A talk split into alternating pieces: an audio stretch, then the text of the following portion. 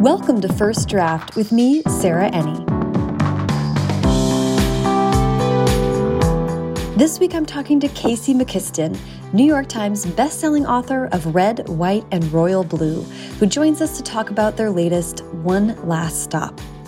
I loved what Casey had to say about books written by and for depressed queer millennials, reverse engineering an MFA by being a scholar of tropes, and engaging with queer history and incorporating it into their work to bring it to a new audience.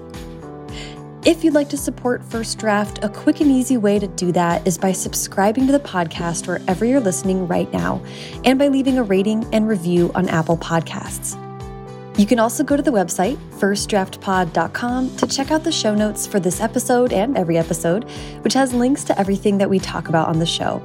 First Draft is an affiliate of bookshop.org, so when you buy books through the links on the website, it helps to support the show and independent bookstores at no additional cost to you. You can also sign up for the First Draft newsletter at firstdraftpod.com to make sure you never miss an episode and hear all about news and upcoming events about the show and me. Also, First Draft merch is now available on the website. Go to firstdraftpod.com and click on shop to check out new t shirts, sweatshirts, dad hats, notebooks, mugs. I'm trying to add stuff all the time and, and get a sense of what people are enjoying. There's pom pom hats. so go check it out. Every purchase helps keep the show running, and First Draft merchandise is proven to make you more eligible for hot back summer. That's just science. okay, now please sit back, relax, and enjoy my conversation with Casey McQuiston. So, hi, Casey. How are you doing this morning? I am doing so well. How are you? I'm doing well. Uh, I'm so excited to chat. I was such a huge fan of Red, White, and Royal Blue, and I just finished one last stop in like this like blurry haze of like racing to the last page.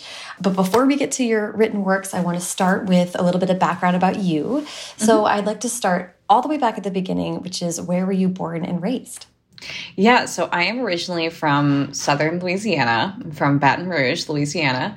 I grew up there for the first 27, 28 years of my life. And then I lived in Colorado for a while. And now I live in beautiful Queens, New York. Amazing. Excellent. Um, how was reading and writing part of growing up for you? Oh my God, it was everything. I loved every type of Scholastic Book Fair, Dear America, epistolary journal I could get my hands on. We it was just like we were a big reading family in terms mm -hmm. of mm-hmm. like at night my parents would always read to us. And then I have an older sister who's like eight years older than me who is like a voracious reader. And of course, when you're like eight and your sister's 16, you want to be exactly like them. And so I did a lot of uh, stealing books off her shelves and mm-hmm. and and um, that's like how I discovered Dorothy Parker at like age eleven. Um, you know, all all the greats, and uh, yeah. So I I think as far back as I can remember, I wanted to write. I remember being like in first grade when I wrote my first picture book which was about a kid who wanted to swing so high on their swing set that they could touch a rainbow. Very pure. Yeah. I love that. and then like second grade, I wrote tried to write like a, a middle grade novel, I guess, that was basically just po like plagiarism of Pokemon.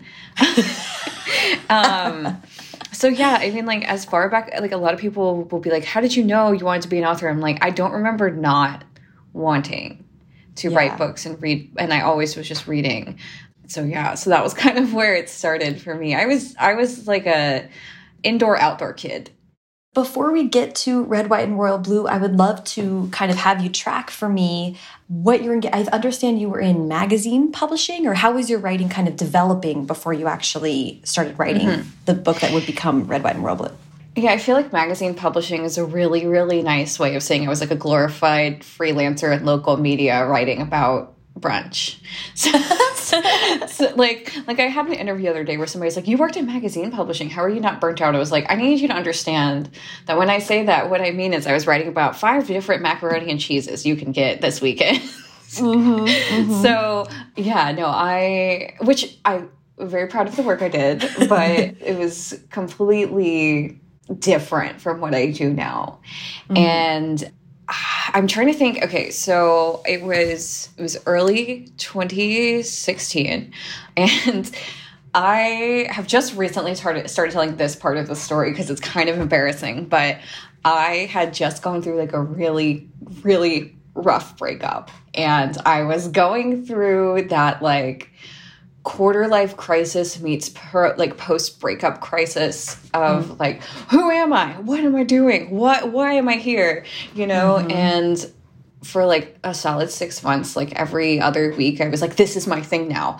I'm gonna do this thing. And i i at some point decided I was going to make and sell soaps and I bought everything to do that. Mm -hmm. At some mm-hmm. point I got really into like lap loom weaving, like textile mm -hmm. art. I was doing mm -hmm. that mm-hmm. for a while. At some point I was going to like get into aquariums. Um I was going through it. I was really going oh, through it. And yeah. like one of the things that I one of these like hyper fixations that I had during that period of my life was like, well, I've always wanted to write a book and I haven't tried in a while and like what if I like maybe I know enough about the world now to like actually come up with a book that's not Pokemon. and, um, and so I was kind of kicking around different ideas, like what do I want to do? I felt like I really wanted to do a rom com because I had attempted when I was like in high school and college so many like half baked YA fantasies that were mm -hmm. just I have the utmost respect for all of my friends who write YA fantasy and do that kind of elaborate world building. My brain does not work that way. So I was like, okay, well, I'm going to do a rom com because, like, that's the thing I'm good at. I'm good at the relationships. So mm -hmm. let me try this. And um, I was trying to figure out what I wanted to do. And I just read The Royal We, mm -hmm. which, yeah, yeah, we love. I've I'm like I've I've been a huge Fug Girls fan since I was like 15. I like would read their blog religiously every day after school, mm -hmm. which is like what like that would have been like 2007. um, yeah, and, same. I mean, and their voiciness that totally makes sense to me. That's like yeah. very reminiscent of the kind of oh colloquialism oh that you bring to your work. Yeah, I do feel like I like oh at least like one branch of my sense of humor to them, um, mm -hmm. and I, it's like it's like them, it's Louise Rennison, it's Eddie Izzard, and it's like my dad. oh, I, that's a good combo. Yeah. So, anyways, so I just read that, and then obviously it was like early 2016, so I was like following the presidential election, and I'm also a big nonfiction reader. And so I was reading mm -hmm. uh, Carl Bernstein's Hillary Clinton biography at the time. Mm -hmm. I, I thought it was super interesting. And there were so many little details about life in the White House and that.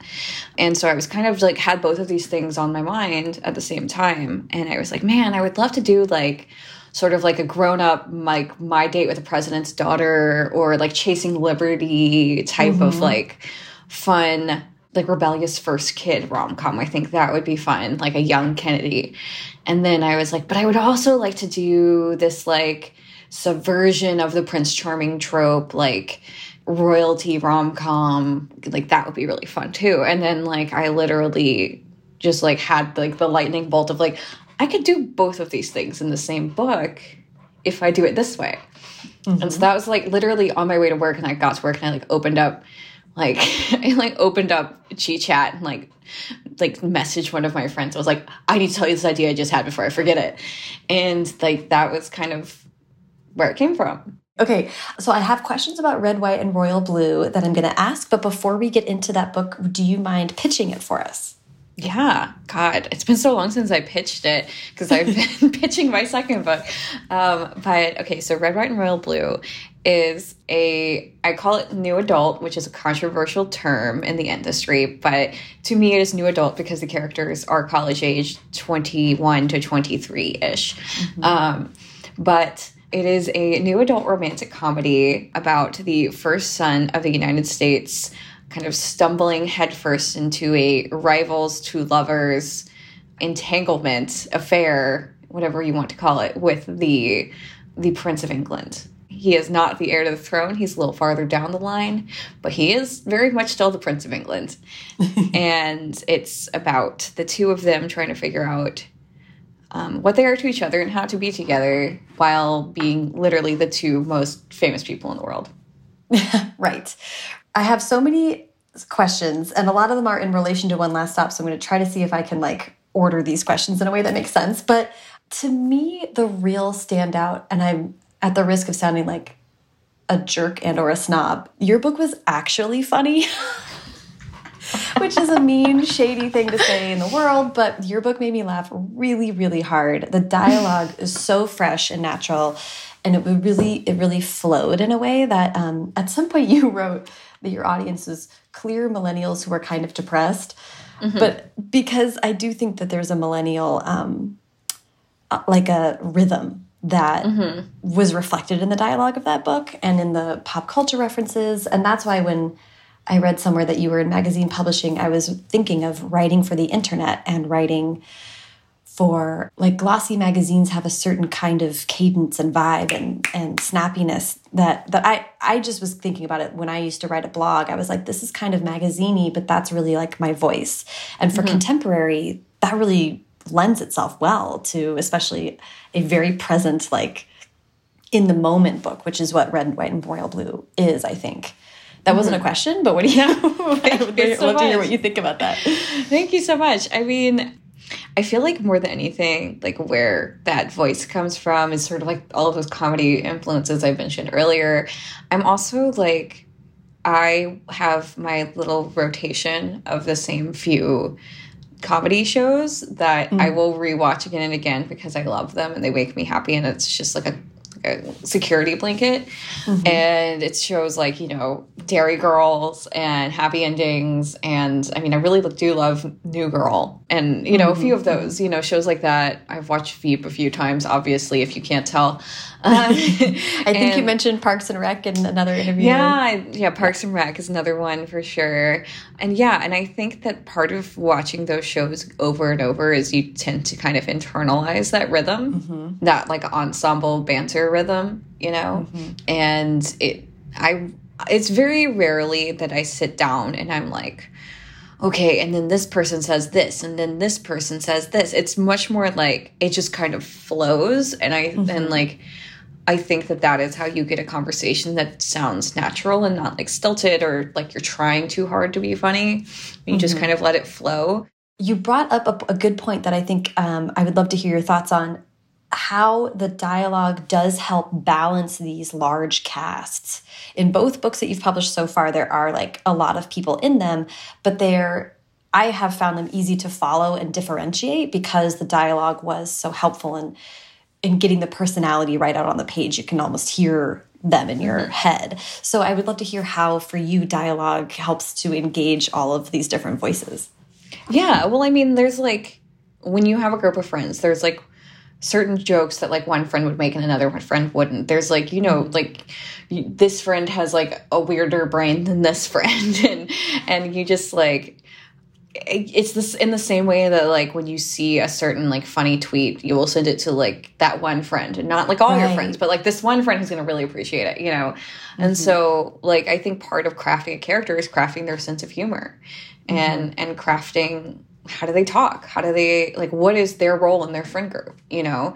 And when you're able to kind of establish what somebody's role is, not just in the friend group, but like to each member of the friend group, you're able to that like like if you're able to be like, you know, like Mila is this to Wes, then that is telling you more about Mila and Wes at the same time you know mm -hmm. and so like i mean every friend group is like that every friend group is its own little ecosystem that mm-hmm. has its own little balances and ways of of functioning and so i try to do that with with this book like i mean august and wes are definitely more of like the um i guess for lack of a better word the straight men like not like mm -hmm. in the not in the orientation sense in the in the comedy right. sense you know um, and just to be clear you're talking about one last stop with these characters yes yes i'm sorry this is one last stop but like i feel like like you have to have like your characters who are less of the jokesters, you know, mm -hmm. who are mm-hmm. not throwing out the one liners because not everybody in the friendship is the same. The friendship group is the same level of like, mm -hmm. I'm cutting up, you know. If that would um, not be sustainable, yeah. yeah, and and also something, and this is like kind of silly because it's kind of like a very very basic type of point of reference, but I remember for some reason a very formative thing for me was like when I was when like How I Met Your Mother was on the air, I remember seeing somebody say that like the creators of the show had noticed that on like Friends and other sitcoms, like who they never would show the other actors laughing at a joke. Yes. And so that they would deliberately have the actors like laugh at jokes on the show because mm -hmm. that's like what real mm-hmm. friends do. And I feel like that's kind of like the spirit of what I try to do with ensembles. It's um, like that is so interesting that you bring that up. Yes, I'm sorry, I don't mean to interrupt you, but no, no, no. It's it's it, yeah. It's just like I think like these are real people. It's not they're not just people delivering lines, and so you have to like like like those jokes have to land some type of way, you know. Yes, that is so. I whatever that was, an article or whatever, I read it as well, and I remember that mm -hmm. being like hitting home really hard for me. Like, oh, that's what makes because How I Met Your Mother is far from a perfect show, but there's a lot mm -hmm. that it mm-hmm. did like really well and in a way that felt like more fresh to me than so many other shows. And when I read that, I was like, oh, that's definitely part of it. Like they are very explicitly wanting to show all these characters enjoying each other. It's not mm -hmm. taken for granted that someone's funny. They're going to laugh like they're gonna laugh at Ted's joke or attempt to yeah. make a joke. right. Well, like, what's the point of like having friends and like hanging out with your friends if you don't like all enjoy it and enjoy each right. other? And yeah, so like those little dynamics, the little micro dynamics within a group, and it's the same thing of like not to keep mentioning every sitcom in the world, but it's the same thing of like, like on like Happy Endings. There's a whole episode about like the different subgroups of the group and how like mm -hmm. certain characters are like never seen hanging out with each other, mm -hmm. and like that's something I always think of when I'm crafting like a big ensemble. Is like okay, well like what's it like when these two are? It's just these two together. Like what's their dynamic? And when you know those things, like it really can fill out the entire group dynamic. So I want to talk I want to definitely get to one last stop so we'll we'll kind of wrap up with red white and royal blue here but I want to ask about the reception for that book because mm -hmm. it was really well received. It hit the New York Times bestseller list. It was one of those books that just like everybody was giving to their friends and it was a summer book that everyone was reading on the beach. I wonder what you were expecting when it was coming out. How how did that play out in your life? What was what was that whole experience like? Yeah, so I didn't expect any of that at all. I think I expected this book to kind of like perform really well with its niche of like mm -hmm. like I like you mentioned earlier like what I said like depressed queer millennials cuz that's that's who wrote it. that's what I was writing for. And I expected to perform well amongst like my friends and people like my friends. Mm -hmm. And I did not ever expect any like even a fraction of what has happened. Mm -hmm. And to be honest, it was really overwhelming. like yeah. it was very much like 0 to 60 or 0 to 100 and I did have to like delete Twitter off my phone for a couple months cuz it was just mm -hmm. like ah, I can't process this much mm -hmm. these many feelings and this much information at once. Mm-hmm. Um but I mean I think in terms of like how it played out in my daily life, like honestly, it hasn't for me like my life did not change that much for a very long time. Like the way that first of all, the way that book payments are structured is like I didn't get any money for like nine months after right. book came out. Like it was on right. the list, and I'm like, all right, well, I still take the bus. Right. you right. know?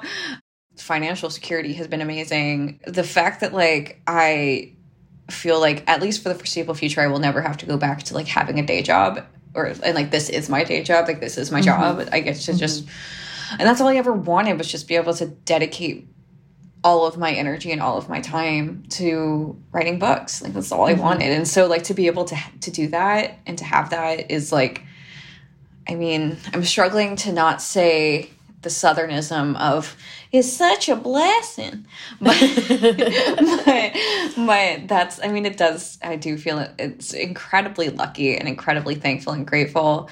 It is like super overwhelming too sometimes. Like sometimes i'm just like oh man i have a job i can't quit. That's weird. Right. Right right right. That's so yeah that's an interesting and correct correct way to put it. Yeah. Um, i do want to talk about like what it means in like a like a analytical left brain publishing industry kind of way like I wonder. I I know your editor Vicki Lame um, socially, like she's a friend, oh, and she, yeah, I love her. when I tell you that she shoved a, a bound version of Red, Wine Royal Blue in my face and was like, "Don't even talk to me again until you've read this book." It was she was oh my um, god such a such a champion for it, such a um, truly.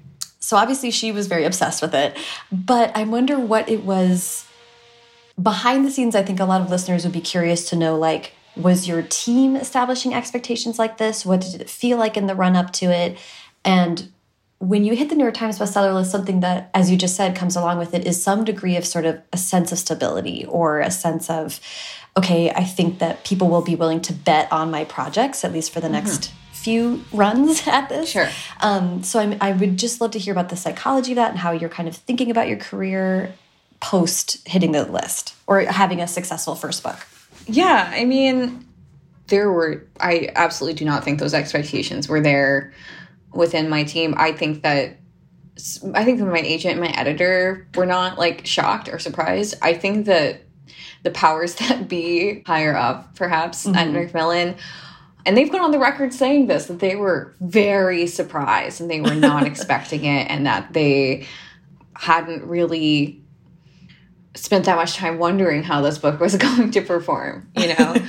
um, and so I think that it was it was just as much of like a pleasant surprise to me as it was to a lot of people on my team. And that's not to say they didn't believe in me. It's just that like I think that you also have to be realistic about, you know, the paperback trade fiction list is that's a lot of books to compete with. Mm -hmm. You know, and like with a debut especially it's hard, you know, it's right. really hard to break that list.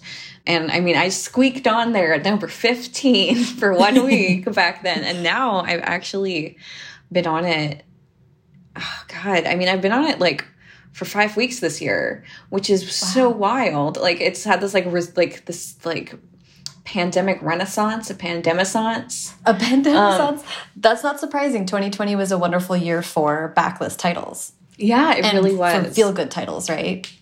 Yeah, I remember like having a call with my agent like last April in that moment when everybody was in a tailspin about like what is mm -hmm. my future, what is the world, and being like, should I be worried? And she's like, you're like one of my only people that I will like tell you not to worry because you're backlist and like mm -hmm.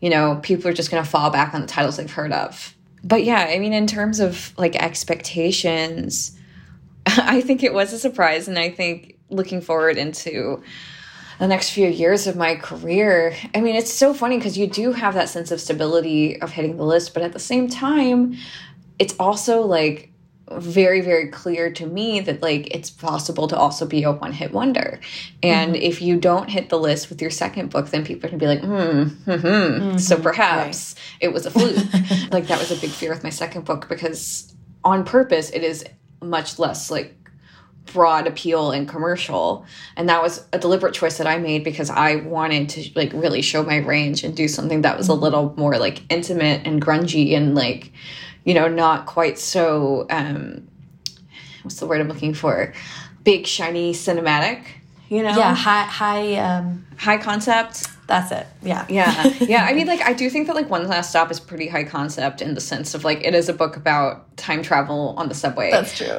but, but, like, it is not, like, there's, like, this backdoor into Red, White, and Royal Blue where, like, these characters are, like, figures. They're, they are tropes they are archetypes mm -hmm. that you already are very familiar with so i don't have to sell you on them you know mm -hmm. i don't have to mm-hmm. convince you that you should care about like the gay prince of england i don't you know right. like right. like you were in, you were there with me already you know right. with this i'm like i have to convince you you should care about this like depressed 23 year old who's like on her fifth year of college and like doesn't know what she's doing and like is kind of like really closed off and prickly like i have to convince you to care mm-hmm. about that person and so mm -hmm anyway, this is way off target of what no, no. I was trying to talk about. But like, yeah, so there's like it's like there's a stability, but then there's also it raises the stakes at the same time. Mm -hmm. And there is this sense of like I personally am somebody who is extremely distrustful of good things because I'm like, in fact, like the day I announced my deal with red white and royal blue i was like so stressed all day because i was like i don't like that this good news is out in the world. Like i feel like i feel like five million evil eyes on me. Like i don't like something bad's gonna happen. And then that day i spilled like a jumbo horchata in my car. And like my car my, i knew my car was gonna reek for like a month. And i was like oh, my god thank god the scales of the universe have balanced. Um, but yeah, so like it's it's like a great thing, and also like to me, somebody with an anxiety disorder, it is also a very stressful thing. Yeah. Just from the sense of of wanting to, I'm very competitive with myself, and I always want to do better than I did before, and so. Mm-hmm. yeah. But I mean, I do feel really thankful that I know that I'm now in a position where I can have weird ideas like my subway book mm-hmm. and mm-hmm. Pitch it to my editor and she's like this is so weird but I trust you so you should do it and I want to see how you do it you know like Yeah. that is a really huge uh, peace of mind to know that like I have the like the luxury of being able to experiment now and try new things Okay, the last thing I want to say before just moving on and asking about how One Last Stop came to be is speaking of pa pandemic assance or panaissance or whatever we want to call it. pandemicence that's what I'm calling it Pandemicence. Um, I like that as a term. Not only um, were people going for backlist titles, but also we had this whole explosion of royal family drama, which I'm sure um, was also Mm-hmm. making people think of the royal we and your book. Yes. Um, how I just want to hear about what what how you've been following that, and also you and the Fug Girls. I'm like, there is some level of like we called it or we we brought I this into being. I do think that like anybody who pays attention to pop culture and the royals could have predicted that like there was a reckoning coming. It's funny, I actually also just listened to so like obviously like after the Harry and Meghan thing, the Harry and Meghan interview with Oprah, I was like, oh my god, I need to like consume I need some more like deep dive context on this because like I've done a lot of research into the royals, but like I am I would by no means consider myself a royals expert, and so I went and listened to like uh, I don't know if you listened to the podcast You're Wrong About. Yes, Um, that's what I was yeah. just thinking you were going to say. Yeah, Yes. they have like a five part series on Diana, and I learned so much from that. Um, And so I really then had like royals on the brain for a week or two there, and I don't know, like I don't think it will come as a surprise to anyone who's ever met me or read my work to know that I am Team Meghan. Like, I, Yeah. I think that's pretty obvious about me. Uh, my favorite royal before her was Diana, and now she and now Meghan is my favorite. I just like I am a sucker for the person who gets in this situation and it's like supposed to be amazing and the best thing that ever happened to you and then it's horrible and then you find your own way to get either get out of that situation or make it into something that can mean something to you. She got such a raw deal and everybody acted like she was supposed to be so thankful for it and i'm so happy that she's out and i'm sorry that she had to experience any of that but you know what come back to america we're to take care of you girl like I know. So back in the back in the vineyard with Oprah, we're i know glad to have her. yeah and her Yeah. kids are so cute Her kid, oh my god, they're so cute. Um, it did. It was funny. Not, I mean, like watching this all is like very kind of mind bendy because you're like we're in this very historical like moment of this happening, and um, but it did feel like the cultural imagination was somewhat primed for this like royal family. Oh my god yes. like blow up um, and not least in which because these books have been kind of exploring that and asking like what does this really mean? Yeah, I mean, I think that if anything, between our two books, between my book and the royal, we we have been preparing people for an American to dismantle the royal family. yeah so watching it was kind of like wait i've seen this before it was so it was so strange because literally the day I like like I, I, I remember going to bed the day I finished my first draft of Red, White, and Royal Blue, and then the next morning I like woke up and I had a push notification on my phone that was like Prince Harry and Meghan Markle announced engagement, and I was like, what? Whoa, Like so it was weird. so weird. The universe does weird stuff like that. Um, okay, brief segment about the royals family drama, but I do want to talk about one last stop. So, before I ask questions about how this book came to be and we talk about it in detail, I would love for you to pitch one last stop for us, please. Yeah. So, One Last Stop is a queer new adult rom com, and it is about a cynical loner named August who moves to New York to try and start a new life and expects to spend that life alone as she has. And then she meets this super hot girl with a leather jacket on her subway commute um, named Jane. And at first, it just looks like a very sweet public transit strangers to lovers romance and then you discover that jane is actually displaced in time from the 1970s and she is trapped on the q train does not know how she got there and so now august must try to save her without falling in love with her before she leaves forever. So amazing. that is that is the book. Well pitched. Yeah i will say that i did not read any bio any like info about it. I was just like the the next Casey McQuiston book. Of course, I will read that. I no information. Oh, so you information didn't required. know? You didn't. So know. I had no idea. So then I was like, "Whoa!" It really took a turn. I was like, "This is awesome!" And then I read the back and was like, "Oh, okay, this is like definitely what it's being pitched as." but actually, I love that because I did kind of envision some people reading it blind, and I really wanted like I put in a lot of like foreshadowing stuff to see if people could figure it out before it happened. And like I really did want it to be something that you could experience with no context and it would be mm -hmm. really mm-hmm. fun and rewarding. Yeah, because it ends up being a time slip book, but for a solid chapter or two there, I was like, I don't actually know what book I'm about to read. I was kind of waiting to see it play out and was like, is it going to be a supernatural? Is it going to be? Uh -huh. It uh-huh. was a, it was a fun kind of like on tenterhooks, and then uh, yes, and then I was so happy with how it played out. It very well. Fun. That was that was kind of inspired by the fact that when I I when I first came up with the idea, I didn't know what Jane was going to be. I just knew she was going to be kind of haunting the Q and my first idea was that she was a ghost who was haunting the Q train and I decided to go with Time Slip because I did not think, I didn't think I could see my way to a happy ending if she was just full on mm -hmm. dead.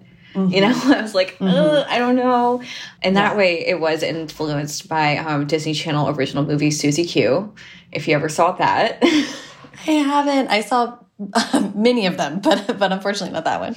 It's a classic. It's all the whole thing's on YouTube. You should watch it sometime. Amazing.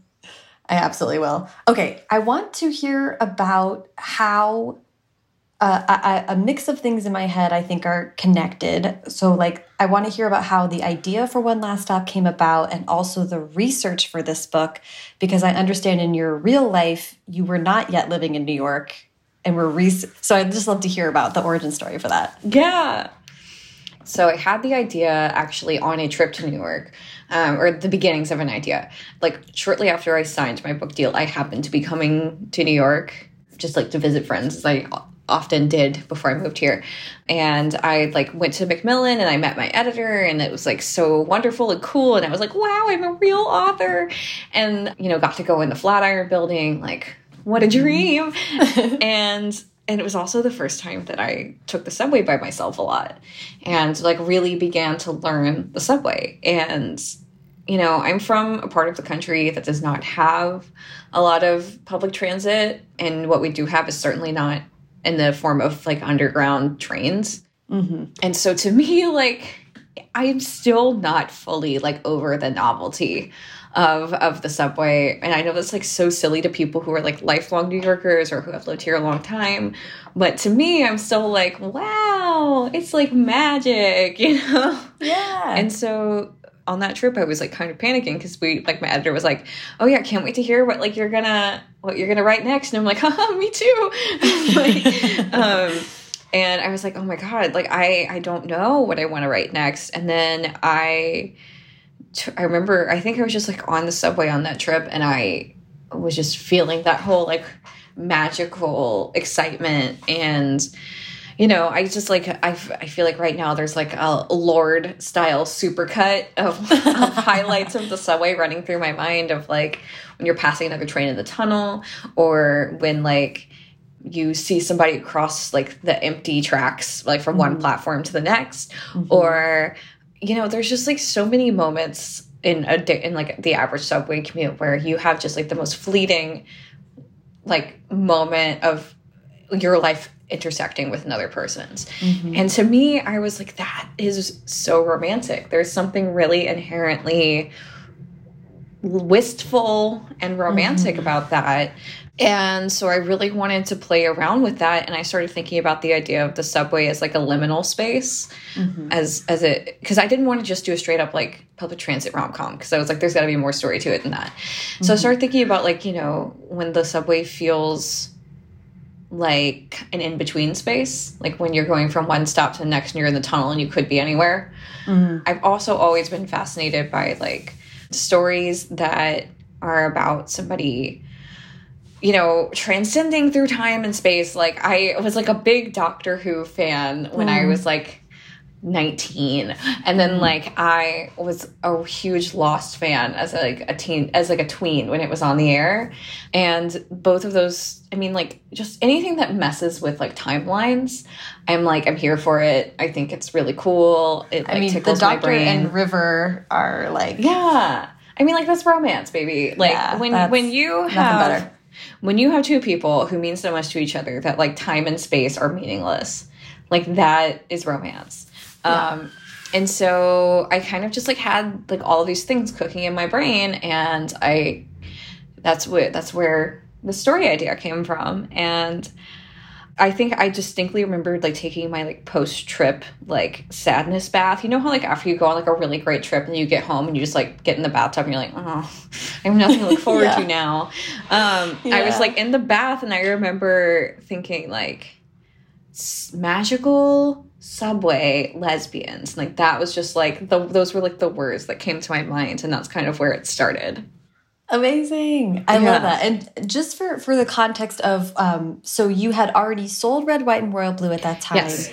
was it yes. a two book deal or was uh, no so okay. it was like um and I'm going to probably explain to something you already know, but for the benefit of listeners, mm -hmm. so it was a single book deal, but it did have like basically an option, not like a film option, but an option for basically my publisher would get first bid on the next thing that I wrote. And so it was very like, oh, like whenever you're ready to pitch us something, like, mm -hmm. you know, and like they don't necessarily have to buy it, but they do get the first look. Right. And so that was the situation. And so my when I sold not a lot of people know this, but One Last Stop is actually a two book deal with a second book that has not been announced yet. Oh, okay. Um, yeah, and so yeah, I sold One Last Stop, and then my third book, which I, which now I it is a, an unannounced book that I sold in 2018. Wow, at this wow. point, so I sold both of those in uh, late 2018, like I would guess like October-ish, mm-hmm. October-ish, September-ish. I don't know, but I had been working on One Last Stop for like several months before I sold it. I kind of had just decided it was the one they were going to buy, whether they mm-hmm. wanted it or not. not. and I kind of like told them that when I like pitched them because I basically I sold it technically on proposal. But yeah, that's why I was going to ask how much you had of it when you brought it to them. Well, I had written it, but they hadn't read it. So mm. I had hmm. written a lot of it, but like like I had started I had started drafting it before probably in early 2018. Like as soon as. I had the mm-hmm. idea, I started working on it. But okay. I pitched them a paragraph. Basically, they asked for like could you just give us like three or four pitches and we'll see what we like? And so i pitched them that in my third book and then like two other like they were all queer rom-coms because that's just like that's what i do. Mm-hmm. i kind of just like put that one at the top of the list and i was like just so you know i've already been working at on this. So i really hope you like it. Right right. That's so interesting. Yeah and i appreciate you kind of giving some context there. It's so interesting how especially second books, how they come about. Sometimes people already have something in the drawer. Sometimes mm -hmm. it's just one sentence and they go buck wild after that. Um, but yeah, that's so interesting. Yeah, I think um, one last stop. I think the first line I ever wrote for it, and like the it's still in the book and to me i think it's also going to be the thing i like inscribe for like special signings mm -hmm. is like the Q is a time a place and a person and that's like it's like one of my favorite lines in the book. And like that was kind of like for for a while that was like the entire thesis of the whole book. And that's mm -hmm. that's why i really appreciate and this is not a spoiler because i'm gonna be very vague about it but there's like a little bitty callback to that line at the very end of the book in a little bit of a like a romantic love note type of way and it's like one of my favorite part of the book. It's like that's something i added in line edits just to like make people cry. Oh i love it. I love it. Yeah. Um yes it's very satisfying. All those callbacks are mm -hmm. like really wrap things up so mm -hmm. so well. Okay. I want to ask about the construction of this world because you sort of started with this otherworldliness and then go to the time slipness Mm -hmm. And mm-hmm. then you have, I wrote them down, you're writing a rom com, it's a time slip book, it turns into at some point a bit of a heist. There's also some like detective story elements. So you're like really running the gamut doing the genre yeah. Olympics in this book. And that is not only, I mean, it's so, so, so fun as a reader, but I was reading it being like, wow, every one of those genres comes with so many archetypes and rules and expectations. So I'm just interested in how you constructed this book and how you were kind of doing that balancing act. I feel like first it was started with just like the demands of the plot and i remember like when i sat down to write this book i was not like then then there will be a heist in like the second to last chapter. It was very much like i remember having a very very firm idea of how like the first two acts were going to go and then like and just writing and being like i i hope to god i figure out how i'm going to resolve this at the end which is very rare for me. I'm usually like a big time plotter. But okay. with this one i was like i see this setup that i want to do and I know like and story I don't know I, I consider myself a really huge like scholar of tropes. And I feel like tvtropes.org owes me some like advertising money for how often I mention them in interviews. But like I remember discovering tvtropes.org and like now my favorite thing when I finish watching or reading something that is like really popular is I will go to tvtropes.org and I will literally read the entire article. Oh. Like that that's like literally picking out and describing every single trope that is present in that piece of fiction and then I'll like click on the name of the trope and go read every other thing that has that trope in it.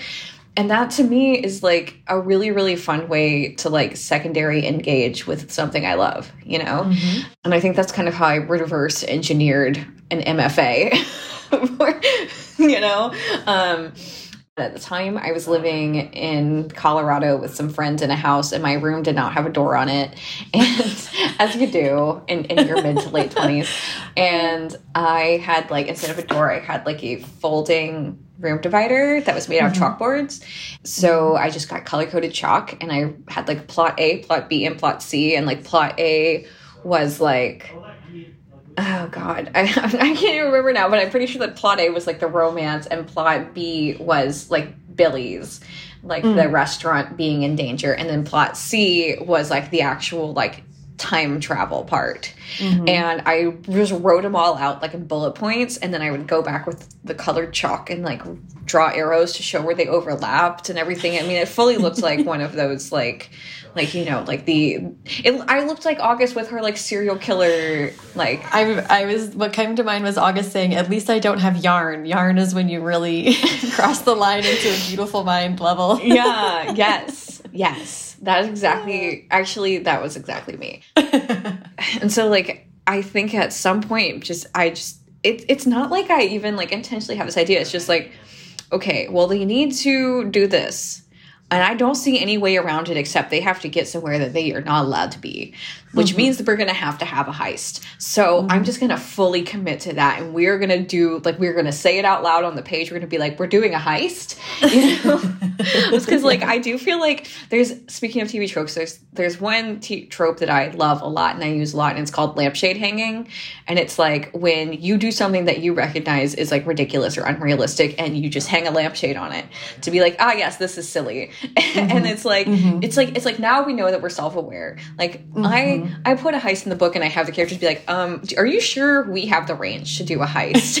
you know, and like just hang a little lampshade on that. Yeah. Um, so yeah that mean, helps with a reader buy-in right that's like yeah. you acknowledging the audience and saying like come like trust me i know what we're doing like come with me on this because you that is you have to the the um what's the word i'm looking for suspension of disbelief that's it yeah i was like plausible yeah. deniability why is that in my head um yeah, no. Well, plausible deniability is a line in the book that we do mention That's that. Why it's in my head. There yeah. um, anyway, just to point, yes, what you're what you're saying is like a really great um, device to make sure that your audience is like, okay, we're like we're still in this with you. Yeah, I think anytime you try to do something really ambitious, and it's especially easy to do in rom com because rom com like it's like I take it really seriously as a genre because like I really believe in it and I think it like is good art. But it, mm-hmm. the great thing about the genre is that it doesn't take itself that seriously, and so the rules are way more bendy. Like mm -hmm. if I was trying to write science fiction fantasy like with a capital SFF, you know, like I could not get away with half the stuff I get away with in this book because it's a rom com. I can be like, well, but also you have to account for the power of love. You right. Know? You are bringing me right to the research because I, I, would love to hear about deciding on. So, Jane in One Last Stop is on the Q and she's stuck mm -hmm. um, out of time, but her time was the 70s. I'd love to hear about how you decided what time she was from and then what all of the doing all of the research because um, there's such rich visuals and thinking about the 70s and what yeah. her life was like then.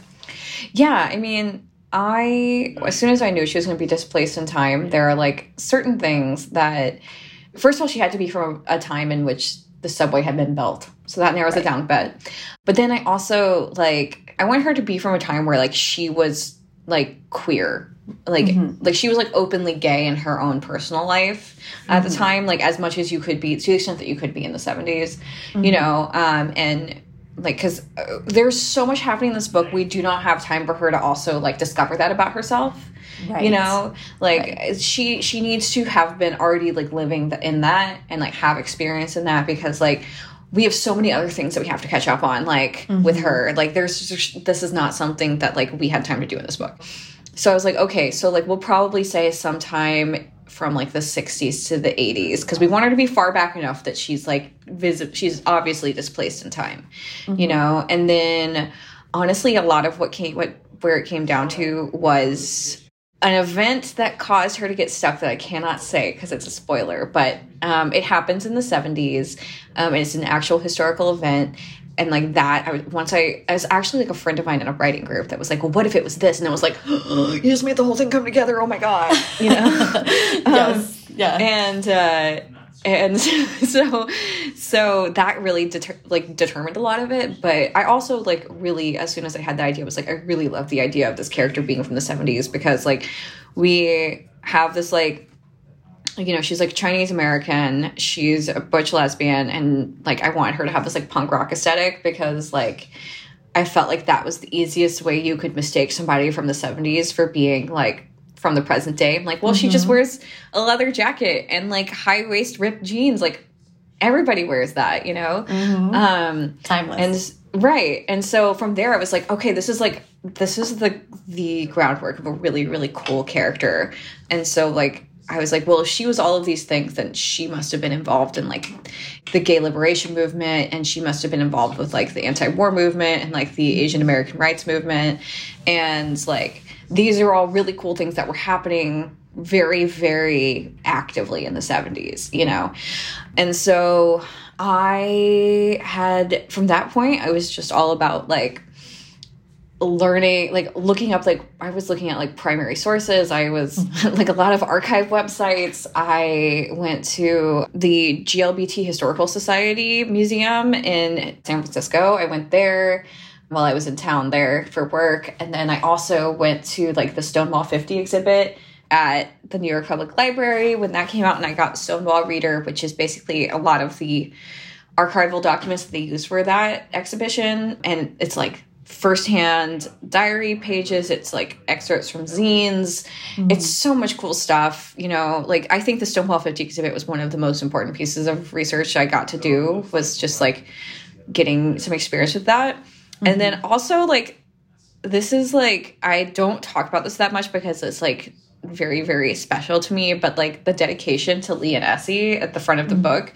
is about like some a friend of mine introduced me to some family friends of hers who were like a lesbian couple who've been together since like 1976 and like live in soho you know wow. and i had dinner with them and it was just like one of the most incredible experiences and we talked all about like their life and like how they got together in the 70s and everything and like that was I mean, I I would never call that an interview because it was just like me spit like as we say in the South, it was just us like breaking bread together, you know? Mm -hmm. But yeah, so it was a lot of stuff like that and a lot of um I read Stone Butch Blues as you must. Um mm -hmm. and I yeah, I mean it was it was so much. It was so much, but it was like I really hesitate to call it even difficult because it was really rewarding research and it was mm -hmm. like really cool to get to spend that much time with these moments in history and like embody them and and then like feel like I was giving them a little bit of a tribute with Jane, you know?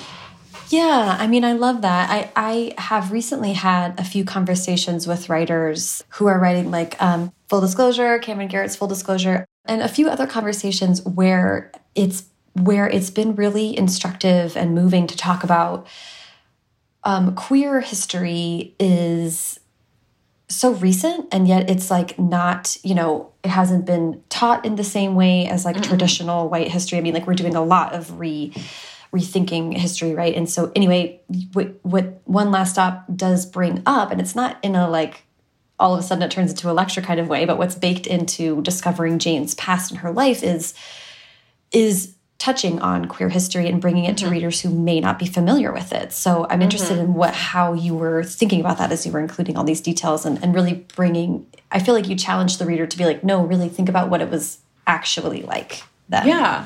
Well, I mean, I very much like did not want to present this like whitewashed version of like like I was a lesbian in the 70s, but it was all right, you know, like right. like and I didn't I also didn't want it to be this like Disneyfied version where it was like she was she fought so hard and she's like you know like she's you perfect and she can do no wrong and like mm -hmm. um and like now she's going to live in the present and everything's going to be perfect here and it's like well mm -hmm. everything's really complicated mm -hmm. and so I tried really really hard to be like this is like this was just her life like for her this was not like monuments and career history like this was her life. This was just like her going to the grocery store in the afternoon, like this was her life.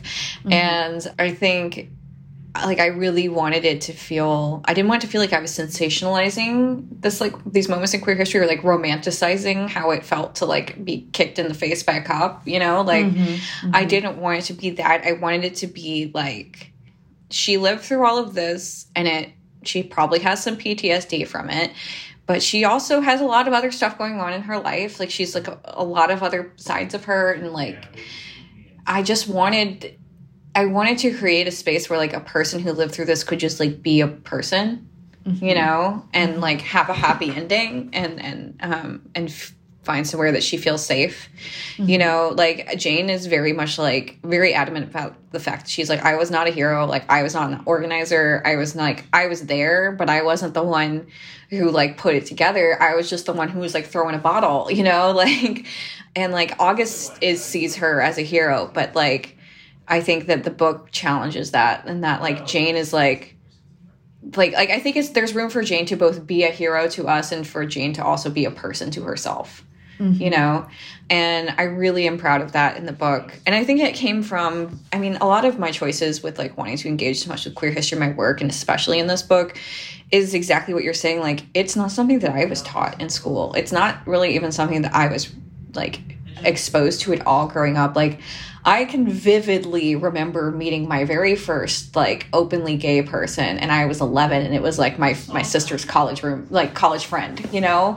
Wow. Like I grew, did not grow up in an environment that was like hospitable to to like, you know, queer history or the queer community very much. And so I when I like got to like my late teens early 20s and started to like kind of de-repress some of my stuff i was mm -hmm. like mm-hmm. okay well like now i have to learn these things and so i like had to really deliberately go out of my way to like educate myself on queer history because it was not taught to me and mm -hmm. because of that i feel like i have this very like hard fought relationship with it where i'm like it feels really really special to me because i had to go out and get it you know mm -hmm. and i also want to make it more accessible to people who don't have who, like me who like didn't have a lot of access to queer history like uh, like I mean we all have Google now but like you might know might not know where to start you mm -hmm. know um and so like you know there's so many words in this book that you could just like search up and then like find learn something you know mm -hmm. so yeah i mean like i i try to be sneaky about giving people homework assignments in there and so they don't feel like i'm like making them eat their vegetables you know mm -hmm. Mm -hmm. and also like something I was really playing with in the story is like speaking of tropes that like very harmful and terrible trope that we complain about so much which is bury your gays mm -hmm. you mm-hmm. know and very often for the listeners who may not know this is when a uh, work of fiction like a tv show or a franchise will introduce a queer character and then like give them a horrible tragic ending because oh like we were so attached to that character and like now we don't have to write a gay person anymore you know mm-hmm. um mm-hmm. and so i really wanted to do something that was like on a meta level like an unbury your gays mm-hmm. and so like jane is literally trapped underground and for all that she, her friends knew she didn't make it out of the 70s mm-hmm. and i wanted to write the story about that person in every way getting to have a second chance at life and getting to I mean, I don't know. I guess maybe I was just like really taken with the idea of like how many people, how many wonderful, incredible, but also very normal people that were lost like in like the 70s in the queer community. And I I wanted I really wanted to like give one of those people a second chance. You know? Yeah. So so that's what I wrote. Yeah, well, thank you for speaking to all that. I mean, like it's a lot to take on, and I really love how you said that you want that you want to give Jane the character also the ability to be herself, like a singular, yeah. flawed, normal right. person who because, wants happiness. Like, the thing about like being seen as a hero or being idolized is that it can be like really dehumanizing at the same mm-hmm. time, and I feel like like not your hero by Tegan and Sara is like playing in my mind right now, mm -hmm. and like I think that's very much how Jane sees herself and like like we are allowed to be like, you know, like those people who live through that are heroic, mm-hmm. but there's there needs to also be room for those people to just be human.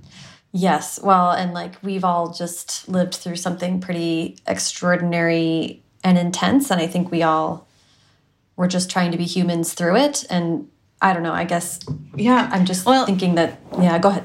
No, I mean I was just thinking about like like when I lost my dad, I had so many people being like, "Oh, you're so strong! Like I can't believe like you like you're so strong!" Like I'm like I don't want to I don't want to be strong. I just mm-hmm. want to be like the version of me who I was before I had to be strong. You mm -hmm. know, and I think about that a lot. I think about you know the dehumanizing effect of like wanting to just see somebody for like their heroic deeds and I hope that I was able to like write Jane as like with respect for what she went through, but without mm -hmm. without making her nothing more than what she went through. Yep. Yep. I I relate to that. I think that's a really important thing to keep yeah. in mind when we're all humaning together. Um, yeah.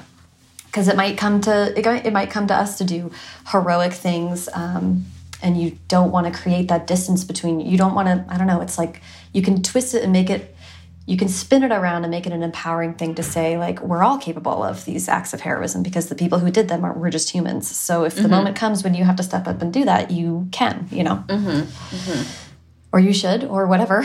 Yeah. Um, so okay i've kept you here for for so much time. I just one one more question and then we'll do advice. We'll wrap up with advice. Sure. But you mentioned early on about loving when you were young reading um, epistolary works. And yeah. Red, White, and Royal Blue and One Last Stop have sort of um, emails or intermittent like articles yeah. and, and really like Craigslist postings in this one. I, and I really loved how you mixed up that up in the text and kind of um, switched it up on the reader in those ways. I'd just mm -hmm. love to hear about including those things and what was it like to write them. Yeah, I mean, like like I said, like when I was growing up, some of my favorite stuff it was like the Dear America stuff, the Georgia Nicolson diaries. I liked reading Princess Diaries, and I liked this is like a very young kids thing, but like the Amelia travel Amelia's travel journals that you could get mm -hmm. in mm-hmm. Scholastic Book Fair. Loved all of those, and those all had like epistolary, but also like this sort of scrapbooky vibe, you know? Mm -hmm. And I just have always loved that. It just like really tickles my little brain in some type of way. Like it just feels really immersive. And I feel like it like I am like a very tactile person and when you can expand a story from just like words on a page into something that you can like kind of touch or smell or see or taste or like imagine that you could mm -hmm. or feel like you could hold in your hands like to me that really elevates like the emotional experience mm -hmm. of like connecting with the story and so I put that in everything I do I don't think I think it's like some I will always find a way to do it because I love doing it um, and I also think you can really really like there are things you can like get around a single POV, which I prefer to do single POV, but you can get around it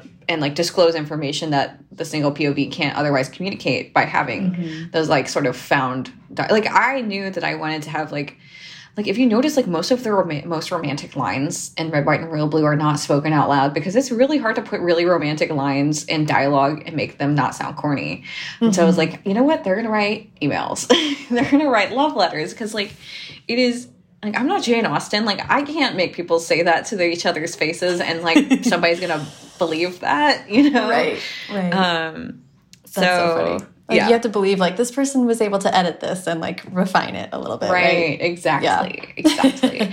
yeah. And then with like one last stop, I, I, it's actually my best friend who had the idea of her original idea was like, you should do every chapter should be a different Craigslist post, like a different Craigslist misconnection. And I mm -hmm. kind of took that and ran with it. Um, mm -hmm. And so that's why like, instead it ended up being like between every chapter is a little scrap from August research. And I thought that was like the most like I thought it was like a really cool way to show like a like to show August notes and like mm -hmm. b to like really make Jane feel like real. And I think it was also really inspired by how much archival stuff I was going through when I was writing mm -hmm. it. And I just like I just you know I was like I want this I want to like I want this to feel like like these are like artifacts that you could hold. You know. Mm -hmm.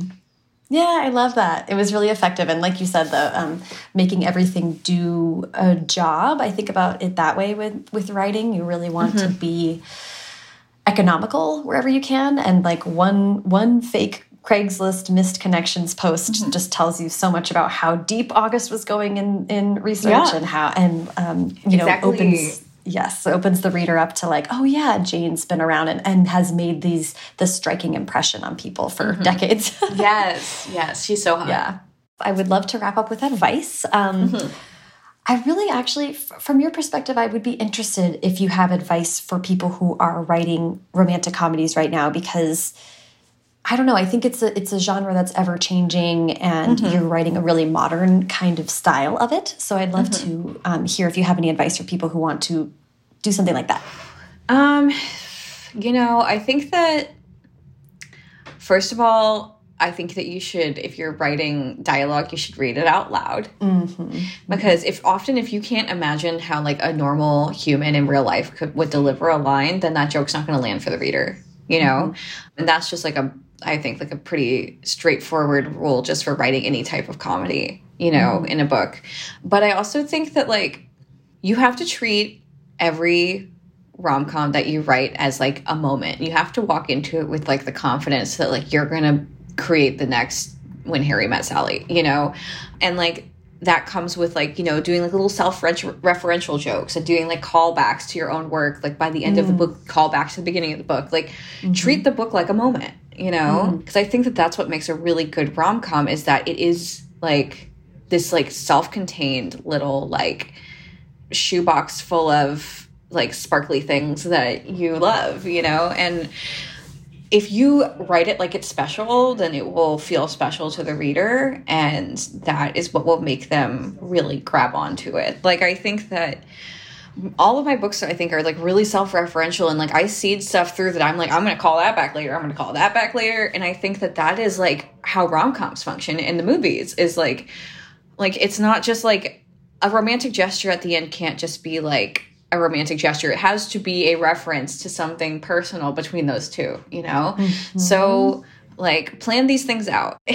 It has to be like this like full circle moment you know? And that is yeah. that is what makes like the biggest payoff in like a romantic comedy. Like at the end of 10 things i hate about you when like they have that moment where like patrick does his final like gesture for kat and like wins her back it's not like he's just like tells her he loves her. He like gets her the guitar that he knows she's been wanting since the beginning of the movie and the way he gives it to her is like in the car that she like rear-ended him with in the parking lot you know like mm -hmm. it's or no she doesn't rear-end him but like he watches her rear-end somebody else anyway it's like it's like all of this imagery is like really important to like the the kind of mosaic of their relationship and like mm -hmm. to create that moment is what makes it really memorable it's not necessarily that he finally said i love you it's that mm -hmm. it's everything about their story all came together at the at the end you know so does that make sense it does, and and and what I'm bringing to what you're saying is um, Elana K. Arnold, who is this like absolutely stunningly brilliant writer,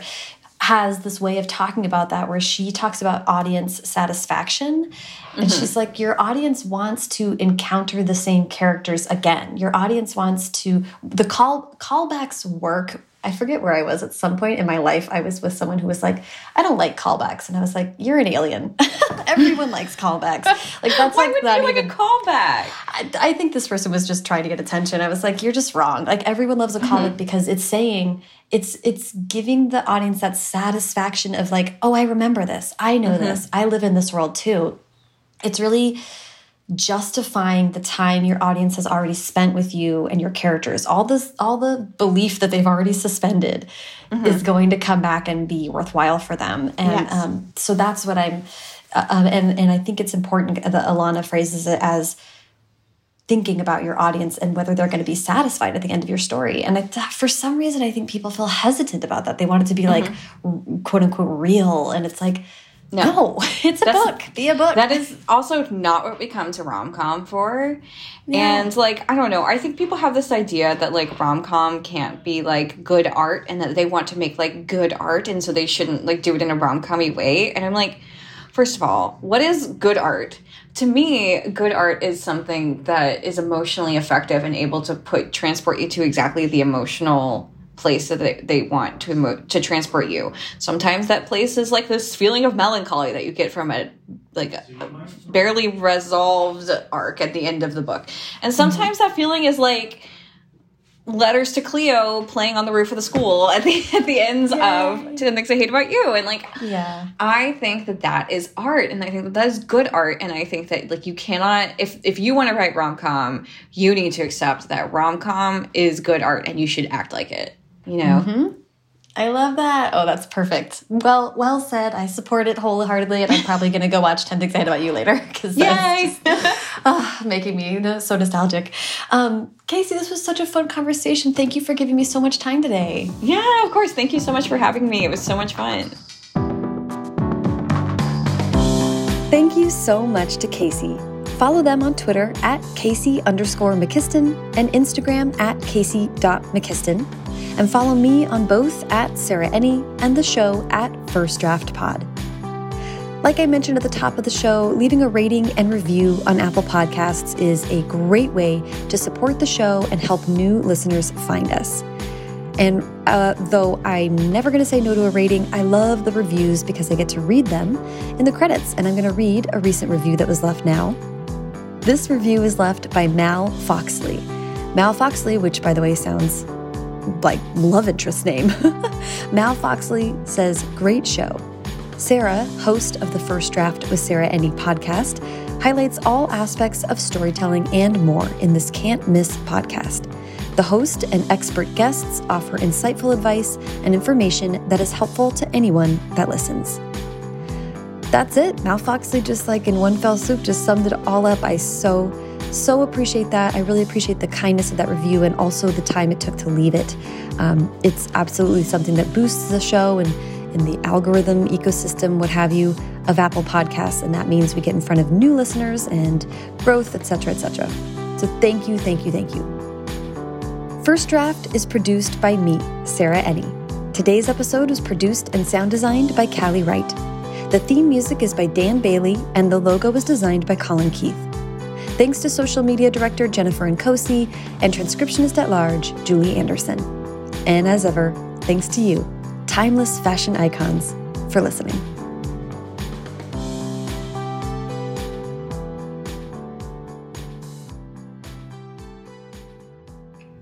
My god, mom just texted me about how she's buying Michelob Ultra. I'm sorry, it just like came through. I am going home this weekend. She's like, I'm getting Michelob Ultra. I'm like, okay. Um, anyway, you can delete Amazing. that. Um,